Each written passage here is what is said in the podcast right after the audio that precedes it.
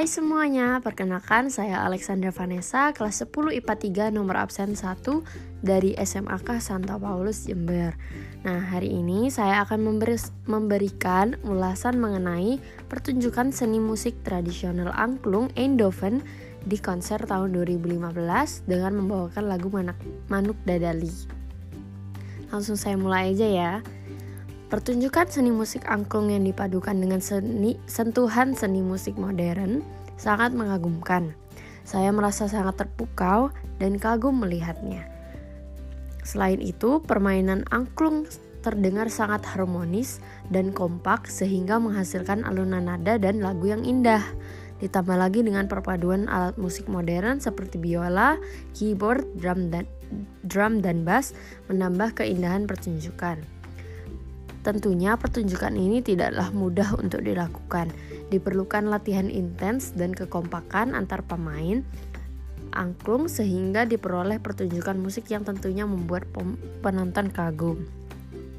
Sayangnya, tadi saat saya mendengar ada sedikit bagian di mana nada terdengar kurang pas. Namun sepertinya dapat diatasi dengan cepat oleh dirijen dan para pemain musik. Jika dibandingkan dengan seni musik tradisional angklung yang tanpa menggunakan perpaduan alat musik modern, pertunjukan musik ini tidak kalah bagusnya loh. Keduanya benar-benar bagus banget dan tentunya membanggakan nama Indonesia ya. Nah, menurut saya pertunjukan seni musik tradisional ini patut banget dilestarikan pada generasi sama zaman sekarang, terutama anak-anak muda yang menurut saya terlalu terwesternisasi atau terlalu mengikuti budaya barat atau budaya asing seperti sekarang tuh kebanyakan um, ngikutin K-pop atau Jepang-Jepang gitu ya. Nah, ini penting banget untuk dilestarikan.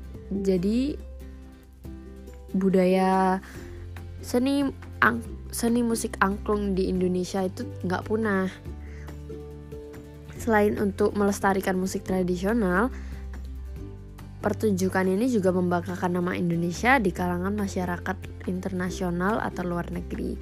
Jadi bisa banget kayak untuk di ditampilkan untuk lomba-lomba di luar negeri atau pertunjukan-pertunjukan budaya di luar negeri. Nah, sekian dari ulasan saya. Mohon maaf apabila ada kesalahan kata. Terima kasih.